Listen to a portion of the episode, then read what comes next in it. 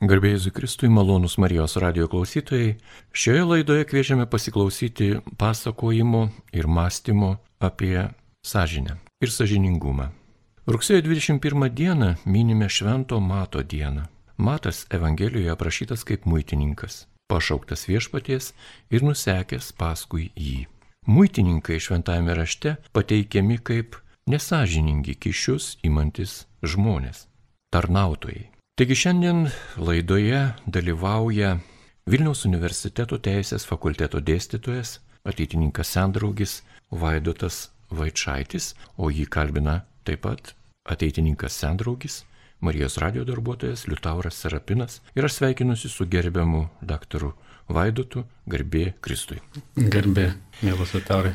Taigi pokalbis tikrai yra sunkus, nes kalbėti apie sąžinę tai tas pats kaip sakyti aš žinau, kas yra sąžinė, galbūt net esu sąžiningas ir va jums dabar čia išaiškinsiu, kokie jūs esate galbūt sąžiningi, gal nesažiningi. Šito dalyko mes nedarysime, tikrai.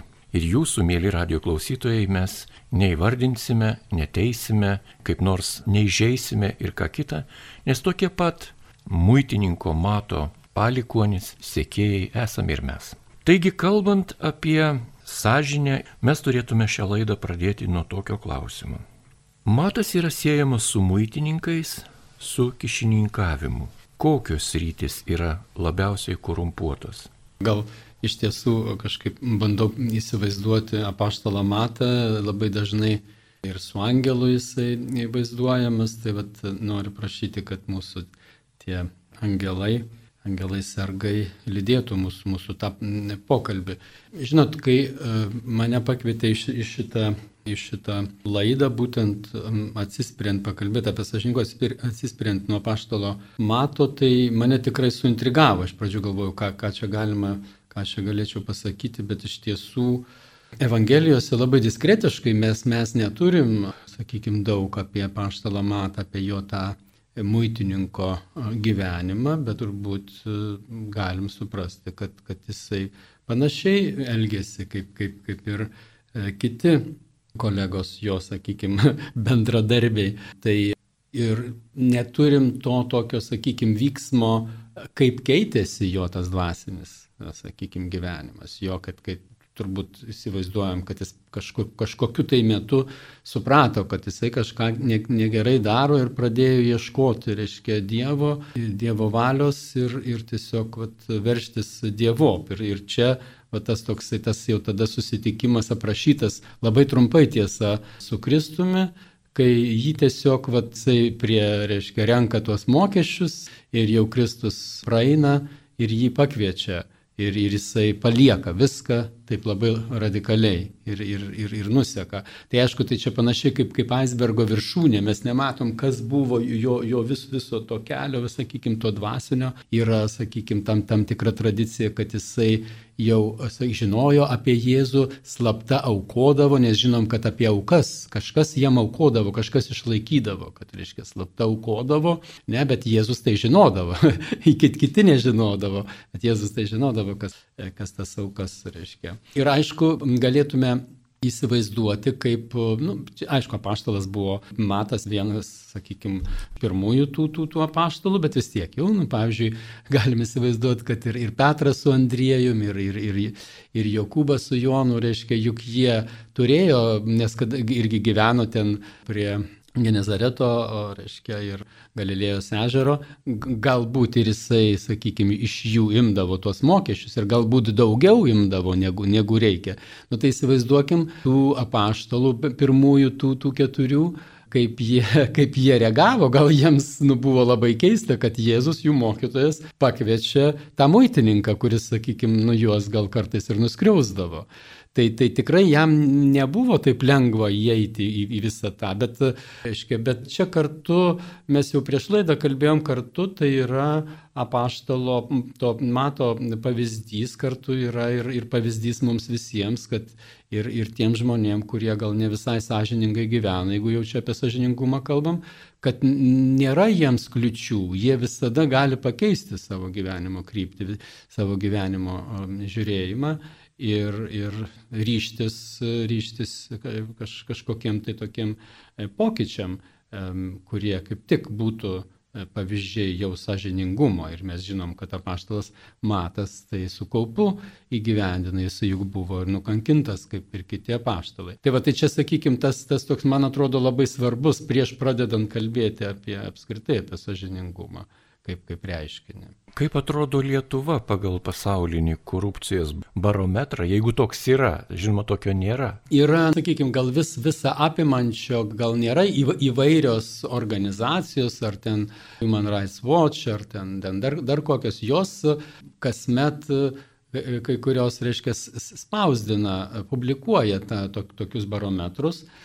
Tai aišku, Lietuvos tas, tas sakykime, ta, ta vieta, jinai gerėja, galima taip sakyti, bet, žinot, čia neseniai, nu, prieš, prieš kažkiek tai metų, tarptautiniai, dar, dar prieš, prieš karantiną, tarptautiniai konferencijai sutikau tokį irgi mokslininką vieno konferencijoje iš Japonijos. Ir kai jisai sužinojo, nu, vat, nežinau, kaip, ar Japonija žino kiek apie Lietuvą, nu, aišku, mokslininkai žino, šiaip žmonės, kurie gal nes, nesidomi, gal mažiau, bet vat, koks jo buvo, ir jisai kažkaip būtent apie tą, aiškiai, plačiaja prasme sažiningumo, jeigu galim sakyti, tą, tą barometrą, arba vat, susijusi jos su kišininkavimais, su korupcija. Jisai kažkaip tai paminėjo, nežinau kokiais, kokiu metu jisai ten tais duomenimis rėmėsi, kad, kad Lietuva neva tai labai, reiškia, prastai atrodo.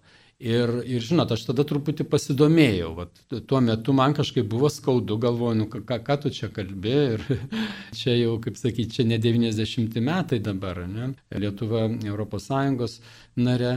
Tai jisai turėjo tiesos, kaip sakyti, turėjo racijos Ir didelė dalimi tas, sakykime, tas toksai mm, ta neigiamas vertinimas buvo nulemtas, žinot ko, medicinos kaip nebūtų keista. Mes gal jau, sakykime, ne, nebetraktuojam e, dovanų, e, dovanų sveikatos priežiūros įstaigose kaip, kaip, kaip tam tikro nežinau, kažkokio tai kišininkavimo arba nesažiningo, gal čia ir kultūros toksai, sakykime, dalykai. Tai vad, tai labai didelę dalį būtent medicinos priežiūros įstaigos. Aišku, čia žinot, jeigu kalbėti apie, apie tą, didelį nesažiningumą, jau, tai čia jau mes išplaukėme apskritai tarptautinius vandenis ir čia turbūt visur yra ir kiekvienoje šalyje ir, ir netgi dėja tarptautinėse organizacijose. Bet sakykime, tą, tai kai mes šiandien e, suprantam ir man vat, būtent kažkaip tai tas keist, nu, privertė susimastyti, būtent e, kaip skirtingai mes žiūrim į sakykime, tas, kas yra sažiningumas ir, ir nesažiningumas ir gal mums iš tikrųjų reikėtų pergalvoti ir, reiškia, tas, tas mažas dovanas, o kartais gal ir didesnės sveikatos priežiūros įstaigos. Aš tik noriu pasakyti, kaip, kaip, kaip tie barometrai sudaromi. Aišku, čia negalima tikėtis visiško tokio, sakykime, kažkokio šimtoprocentinio atitikimo, bet dažniausiai tai buvo, būna per apklausas. Tai būna ap, apklausiami paprasti, sakykime, eiliniai žmonės ir būna apklausti politikai, ir būna apklausti e, nu, specialistai tų, tų kažkokių tai sričių. Tai va iš tokių trijų dedamųjų sudedamas tas, tas bendras, e, bendras vaizdas kiekvienos šalies. Tai va e, iš tiesų gal čia nenoriu sureikšminti tik tai, sakykime, sveikatos priežiūros įstaigose esančių dalykų, bet, bet nu, kažkaip mane tikrai vertė susimastyti, kad kažkas tai gal ir nėra gerai pas mus. Tęsėme laidą. Šiandien Laidoje dalyvauja ateitininkas Sendraugis, Vilniaus universiteto teisės fakulteto dėstytojas Vaidotas Vaičaitis. Įkalbino Liutauras Serapinas ir kalbame apie šventąjį matą, jį priderindami prie šiandienos aktualijų, kurios, žinoma, mus paliečia, vienus daugiau. Bet tai yra sąžinės dalykai, sąžinės reikalai. Kiekvienas žmogus turi sąžinę. Tikintieji sąžiniai skiria ypatingai didelį dėmesį, nes sąžinė yra ta, kuri gali duoti supratimą ir apie tai, ką tu darai blogo ir ką gero. Ir sąžinė visada šaukia sąžiniai šaukia dievop, šaukiantis link Dievo tavo vidinis balsas, kuris yra tau padovanotas jau prigimimo metu ir tai yra Dievo dovana. Žinoma, apie sąžinę kalbėti Švento Mato tam tikroje paliktoje istorijoje, jo asmens istorijoje yra gana sunku, bet nežiūrint to ilgo amžiaus, vis tik tais pabandykime dar pasikalbėti apie tai. Korupcijos, nesažiningumo, finansinių skandalų pasitaiko ir bažnyčioje. Jau ta paštolas vaikščioja su Jėzumi, vėliau jį išdavęs, būtent Judas, Iskarijotas, buvo įtariamas nesažiningų veiksmų, grobstės išdą ir tuo jis buvo kaip apkaltintas ir pagautas. Mes nežinom, kiek nepagautas. Nerašo istorikai apie tai. Taigi popiežius Pranciškus bando įvesti tvarką Vatikane ir visoje katalikų bažnyčioje ir savo enciklikose bei katechezėse kviečia nusaikiam broliškam gyvenimui. Kaip manote, kodėl žmogus yra linkęs į nesažiningumą? Vaidotai. Tokią jūs palėtėt skaudžią iš tikrųjų temą, bet, bet apie kurią taip pat reikia kalbėti. Kalbėti pagarbiai, kalbėti su meilė vienas kitam bet būtina tą įvardinti. Ir, ir čia iš tikrųjų tų, sakykime, tų nesažiningų dalykų, anksčiau atsimenatgi dar netgi buvo tas vadinamas Vatikano bankas, kurį, kurį vėliau, reiškia, buvo, jisai buvo panaikintas. Tai, nu, vat, tiek su finansais, tiek su kitais dalykais bažnyčioj, kaip, kaip ir kitoje, bet kokio institucijoje gali būti ir, ir būna dėja ir nesažiningų dalykų. Tai čia gal mes tą turim labai aiškiai su, suprasti ir nebijoti apie tai kalbėti, nebijoti tai įvardinti, nebijoti tai viešai įvardinti tam, kad galėtume išgyti iš to, tam, kad galėtume vėl iš naujo, sakykime, jau atsinaujinusią, sakykime, širdim dvasia sielą savo um, eiti, eiti Evangelijos kryptim. Tai čia vat, apaštalo mato ir, ir judo pavyzdžiai, liutaurai, kuriuos jūs pateikėt, yra labai, labai iškalbingi. Sakykime, jeigu apaštalas matas, nu, vienai par kitaip jisai turėjo viešai iš, išpažinti savo, sakykime, dalykus, tuos, kurie jie, jeigu buvo kažkokie tai nesažiningi, nes nu, ne, neįmanoma buvo, nes jisai toj pačioj bendruomeniai kartu su tais žvėjais, aiškiai, iš kurių jisai imdavo mokesčius, turėjo būti. Tai tam tikrą prasme ir, ir, ir aišku, ir, ir, ir pastatyti save, reiškia, ir keliauti ne iš vieno kaimo į kitą, taigi tave pažįsta, tavo kiti buvę muitininkai, reiškia, kolegos, ne, kiti, kurių tu, sakykime, nuplėždavai, ne, taigi, tai, tai vad, matoj, tai buvo labai didelė, sakykime, skaistikla jau žemėje pereiti, ne, ir jisai tą pripažino ir, ir kitaip jis nebūtų galėjęs pasilikti. Tai e, to, to sakykime, apaštalų bendryjoje. Tuo tarpu Judas, jisai stengiasi, jisai nebuvo iš, iš tokios, sakykime, profesijos kažkokios, kuri, kuri buvo iš, iš principo nesažiningom laikoma jau pačios visuomenės bendruomenės tai jisai galėdavo e, slėpti, nes mes Evangelijų aiškiai labai e, turim, kad jisai pats būk, atsimenat tą vietą, kai jisai gailėjo, reiškia, kad, kad, kad išpylė Jėzui, reiškia, patepė brangių tepalų, tai sako, nu tai va, tai, tai kodėl čia naišvaistomi tie, tie pinigai, tai pasakyta, kad ne, jis, jam ne tai, kad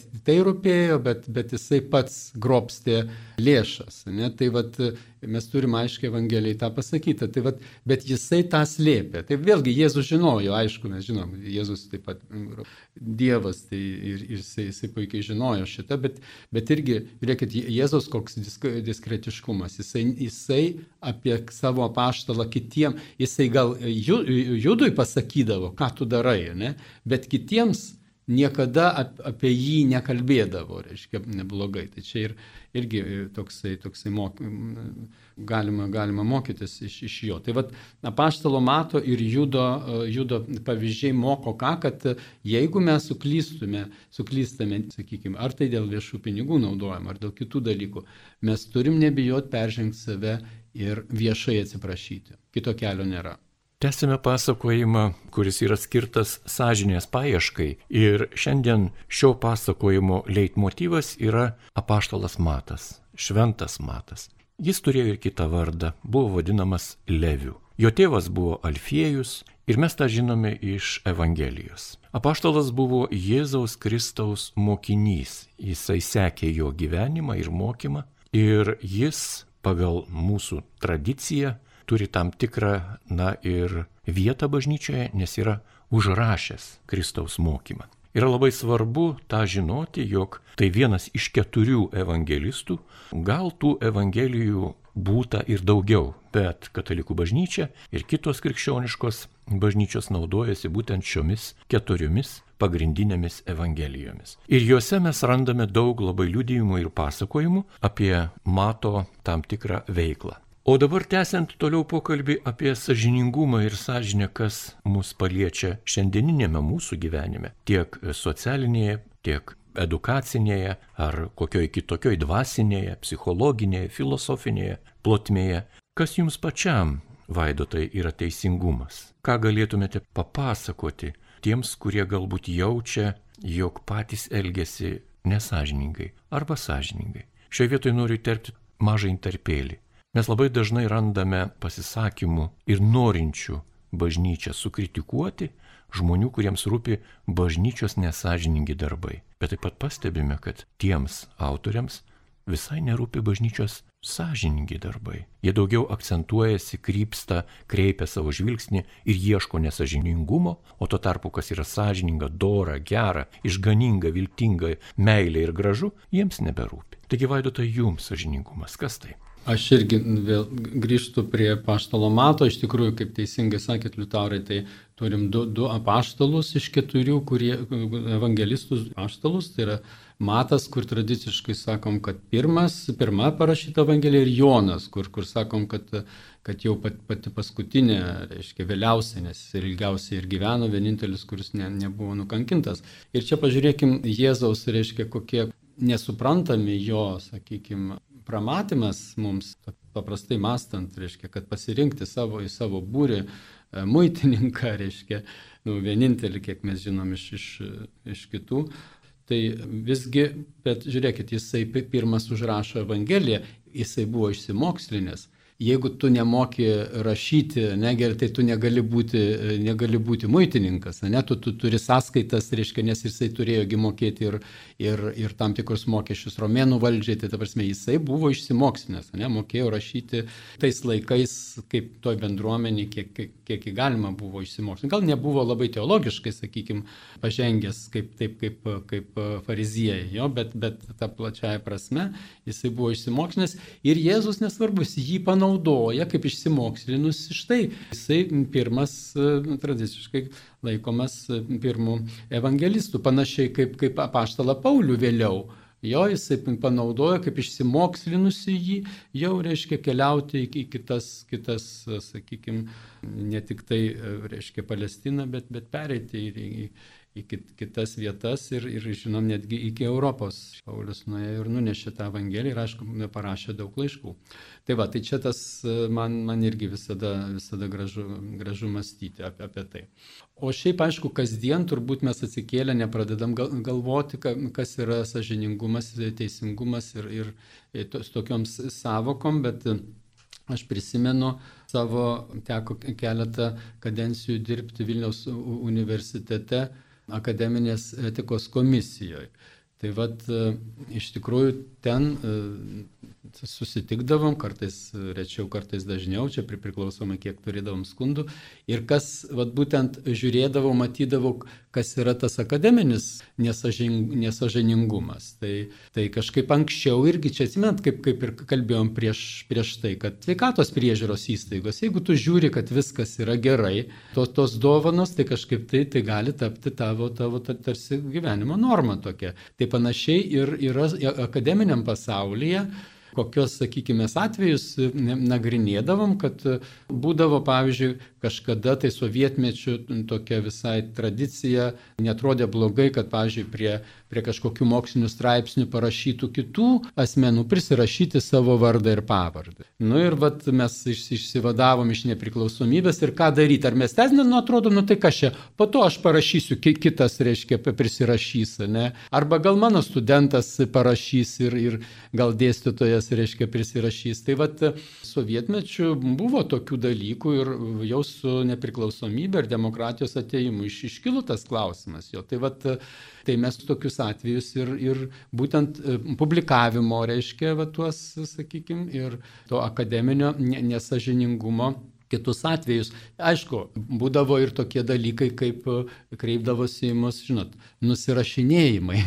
tai bet ten yra ir kitos struktūros universiteto savivaldų, mes šitų klausimų labai nenagrinėdavom, bet aš noriu pasakyti, kad per tuos 30 metų labai pasikeitė šitas, bent jau aukštajam, aukštajam mokslė tai yra būtent e, tas toleravimas, jeigu taip galima sakyti, to, sakykime, nusirašinėjimo. Dabar yra netgi ir studentai prie, prieš stodami pasirašo E, sutartį su universitetu, kur, kur ir yra viena iš taisyklių, kad aš netoleruosiu, aš būsiu, reiškia, akademinė prasme sąžiningas, tai reiškia, nenusirašinėsiu, ne, aš, aš, aš sąžiningai atsiskaitimus atliksiu. Bet aišku, dėja būdavo vienų kitų atvejų, netgi jau ir, sakykime, daktaro disertacijos atveju būdavo, kad kito universiteto mes gaunam skundą, turim jį nagrinėti, kad kitas užsienio universitetas sako, žiūrėkit, jūsų daktaro disertacijos publikacijoje yra dalis informacijos panaudota ir nėra nuorodų.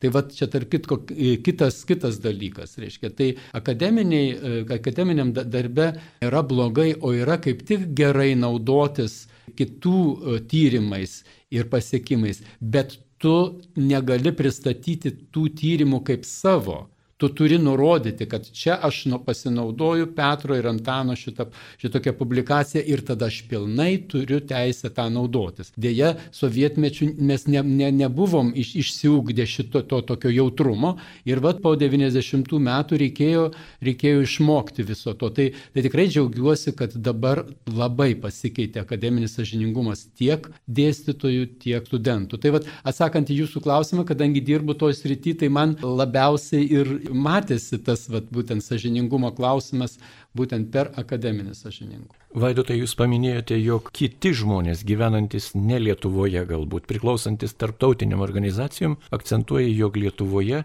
nesažiningumo daugiausia randa medicinos srityje. O ką patys lietuviai galvoja, kaip jiems atrodo, kur jų žvilgsnių yra daugiausia nesažiningų, ar tokios žinios yra jums patekusios į rankas? Jo, tai aišku, yra ir lietuviškų, karts nuo karto matom lietuviškų e, žmogaus teisų asociacijų, kurios tą, sakykime, nesažiningumo e, tam tikrą barometrą e, skelbia. Tai tarp kitko vienas iš, iš tokių yra sveikatos priežiūros įstaigus. Yra. Tai, bet gan dažnai, gal sakykime netgi dažniau, kažkodėl tai vietos savivalda yra įvardinama kaip ta vieta, kur, kur vyksta nesažiningi, ne, ne, ne reiškia, dalykai. Tai čia netgi skaičiau, žinot, bet čia prieš keletą metų, kad tiesiog STT darė, darė tokį tyrimą. Vienas sėdėjo, sakykime, kažkokioj valstybės įstaigoje, tiesiog kaip interesantas, pavyzdžiui, ateini rytą ir, ir sėdi, sakykime, iki pietų.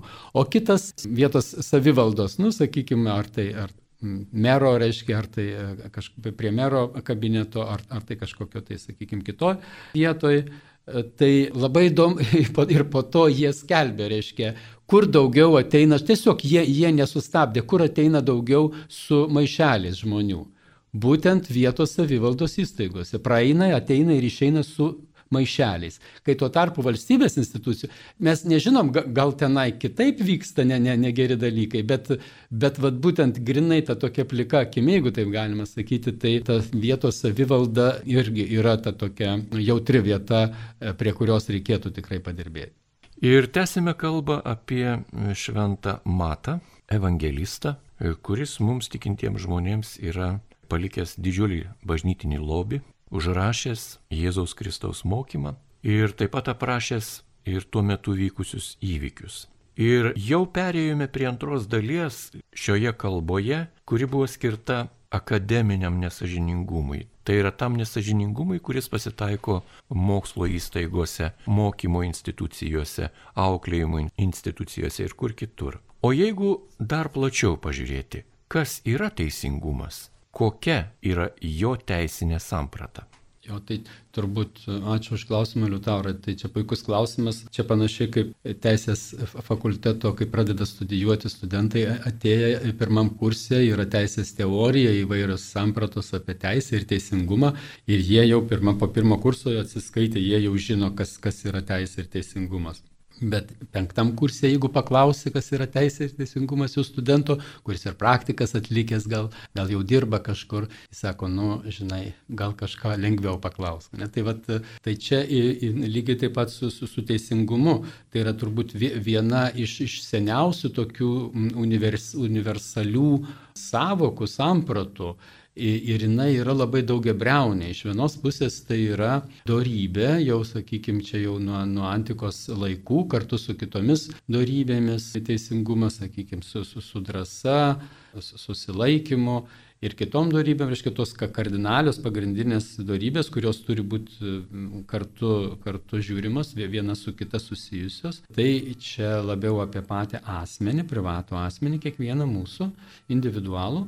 Tačiau teisingumas e, taip pat yra kaip vertybė ir visuomeninė, ir visuomeniai, ir, ir, ir valstybėje. Nebereikalo, jau, jau romėnai sakė, kad justicija est fundamentum regnorum, reiškia valdymo arba valstybės pagrindas, teisingumas yra. Tai žodžiu, jinai tokia, to, todėl nėra taip paprasta apie tai kalbėti, nes tai yra, bet tai iš kitos pusės, to, tokia daugia breunė, bet štai iš kitos pusės tai, tai ir yra jinai susijusi, reiškia, kodėl jinai yra tokia svarbi e, visuomeniai ir valstybei ta vertybė, todėl kad tai yra kartu ir mūsų tokia asmeninė darybė, kiek kiekvieno iš, iš, iš mūsų. Mes, mes turim, turim būti, nu, reiškia, turim turėti tą, tą darybę, jeigu norim būti pilnaverčiais žmonėmis. Tai dabar žinot, kadangi švenčiam Konstitucijos 30-metį, tai, tai noriu tik pasakyti, kad vat, iš teisės, iš Konstitucijos perspektyvos teisingumas yra e, visos mūsų visuomenės, visos valstybės pagrindas, pavyzdžiui, jau, jau preambulė arba įžangoje konstitucijos, konstitucijos sakoma, kad kad lietuvių tauta priima šitą konstituciją siekdama tapti teisinga valstybė, teisinga, sakykime, pilietinė visuomenė, visuomenė ir, ir teisinė valstybė. Žodžiu, nes mes suprantam, kad be, nu, jeigu ta visuomenė nėra teisinga, jeigu ta valstybė nėra teisinga, valstybės institucijos nėra teisingos, tai nesiekia teisingumo, nu, tai, tai galų gale tą visuomenę, tą valstybę sunku vadinti ir, ir demokratiją. Tai nebereikalo prezidento priesaikoje, taip pat jisai prisiekia būti visiems lygiai teisingas. Reiškia, čia e, kartais gal galima galvoti, kad teisingumas yra tik tai teismų vykdomas principas. Taip, tai yra teisminis teisingumas, jisai yra specifinis, specialus, labai svarbus. Teismai vykdo labai svarbę funkciją vykdydami teisingumą. Bet teisingumas peržengia, tas, tas, tas samprata jinai peržengia tik tai teismo rėmus. Reiškia, visos institucijos turi vadovautis šituo principu. Aišku, ne tik valstybinės, tarp kitko, lygiai taip pat ir, ir bažnytinės, ne, arba visuomeninės organizacijos, taip pat tu, turi, turi vadovautis e, šituo principu. Bet jeigu jau užsiminiau apie teismus, tai noriu irgi pasakyti, kad be nepriklausomų teismų jokia demokratinė visuomenė negali egzistuoti. Jeigu mus dabar kažkas tai persekioja, jeigu mus kažkas tai, sakykime, pažeidė mūsų teisės ir mes neturim valstybės pagalbos, kuri mus, sakykime, apgintų, tai tada tokia visuomenė, nu, jinai negali būti vadinama demokratija, tai nereiškia žmogaus teisės ginanti. Turi būti kažkoks neutralus arbitras, kuris padės mums išspręsti šitą, kuris apgins mūsų pažeistas teisės ir tai yra nepriklausomi e, teismai. Tai vad čia irgi, sakykime, čia aišku galėtų būti visai atskira laida, bet e, gal mūsų visuomenė iki galo nesupranta teismų, ypatingai nepriklausomų teismų reikšmės ne tik visai visuomeniai, valstybės, sakykime, demokratijai, bet ir kiekvieno iš mūsų, aiškiai, teisė, galimybė pasinaudoti savo, savo teisėmis.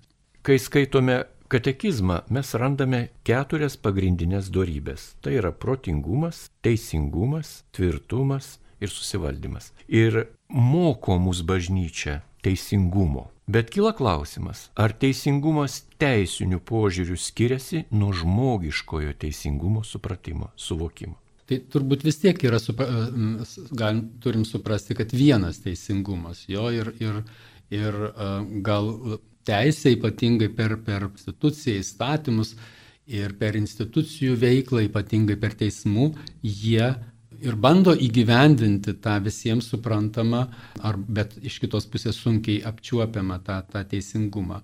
Nes čia gal ir, ir, ir gali būti blogai, kai labai atsiskiria tai, kaip visuomenė supranta teisingumą. Jo? Ir tai, kaip, sakykime, valstybės tarnautojai tą supranta dalyką. Tai, tai visgi tada reikia vėl iš naujo kažkaip susišnekėti. Arba keisti įstatymus, ne? arba tų įstatymų e, vykdytojams, valstybės institucijams peržvelgti, pergalvoti, ką jie e, negerai daro. Ir to, dėja tokie, sakykime, tokie momentai atsitinka. Reiškia, ypatingai krizių laikais, vat, sakykime, prieš čia keletą metų mes turėjom įvairias krizės, tarp kitko jos, jos ir, ir toliau tebesitęsia. Tai kai vat, tiek visuomeniai reikia permastyti savo sampratas, kas yra teisingumas, nes teisingumas, vad gerai, gerai jūs pasakėte, jisai negali būti atsietas, jisai turi būti eiti su kitom tom, reiškia, su išmintim, kaip sakėt, su, su drąsa ir, ir, ir su tuo, sakykime, balanso ieškojimu. Tarp kitko, konstitucija ir yra irgi balanso ieškojimas tarp, tarp tų į, įvardintų vertybių. Tai vad ir, ir kas, kas atsitinka per, per, per krizės, kad kad valstybės institucijos ir visuomenė tarsi išsiskiria. Ne? Ir, sakom, visuomenės susiskaldimas padidėja. Tai, vat, tai ypatingai tų krizių metu turi būti dar didesnis įsiklausimas valstybės institucijų ir, ir visuomenės, kad išeiti kažkaip kiek įmanoma geriau išeiti iš tos krizės. Nepaaštrinti, sakykime, tas krizės, bet labai atsargiai įsiklausyti vieni kitus, gerbti vieni kitus ir, ir iš, išeiti iš jos. Pateiksiu dar vieną pavyzdį. Išsiskiriant vertybėm, valdžioje priimami tokie įstatymai, vieniems atrodo vienaip, kitiems atrodo kitaip, vieniems atrodo, kad tie įstatymai yra sąžiningi, kitiems atrodo nesažiningi. Pavyzdys taip vadinama mirties bausmė. Labai įdomus terminas, tarp kitko, susimaščiau, kodėl mirties bausmė, ar mirtis baudžia, ar bausmė mirtimi. Ir yra žmonių, kurie sako, jog mirties bausmė turi būti, o kiti sako, jokių būdų. Ir tie yra daugiausia krikščionys, tai yra neteisinga iš esmės. Ir kaip tada susitarti, kaip surasti sutarimą arba bent jau kažkaip, na, išlikti tiesoje. Taip. Tai bet demokratijos vienas, sakykime, iš bruožuose gali būti kartais atrodyti kitiems ir, ir, ir silpna vieta, bet jos stiprybė yra, kad tai yra taip pat ir procesas. Tai mes neturėtume įsivaizduoti, kad tai yra tokie lengvi staigi sprendimai. Mes išsprendėm, kaip, pavyzdžiui, kartais gal, gal girdim, kai, kai kurie politikai ar kiti žymus visuomenės veikėjai sako, šitas klausimas jau išspręstas. Jau yra priimtas sprendimas, jisai jau išspręstas ir mes prie jo nebegrįžkime. Nu taip, kiekvieną momentą grįžti gal neišeina, bet turbūt demokratiniai visuomeniai galutinai išspręstų dalykų nėra. Tai yra procesas tam tikras. Ir mes turim pasitikėti tuo procesu. Čia panašiai kaip, kaip Jėzus sakė, sako, aš esu kelias, tiesa ir gyvenimas. Tai va tas kelias jisai parodo, kad tu per tam tikrą laiką, per tam tikrą, reiškia, keliauji ir supranti dalykus. Taip, tu labai, labai svarbu turėti teisingą kryptį, bet jeigu ir nukrypsti kažkur, tai yra normalu, kad vėl grįžti prie to. Tai vat, Tai lygiai taip pat ir su teisingumo sampratom. Tai čia, pavyzdžiui, Liutaurai, jo mirties bausmė arba, sakykime, ten socialinė pagalba, kokia reikėtų, ką reikėtų remti, ko nereikėtų remti, kam reikėtų, reiškia, išmokas mokėti, kam, kokios tos išmokos turi. Tavarsime, daugybė, daugybė klausimų. Ir, ir čia, bet gerai jūs pasakėte, tai yra apie teisingumą. Tai yra teisingumo klausimai. Ir šitokie klausimai negali būti išspręsti vieną kartą ir visiems laikams.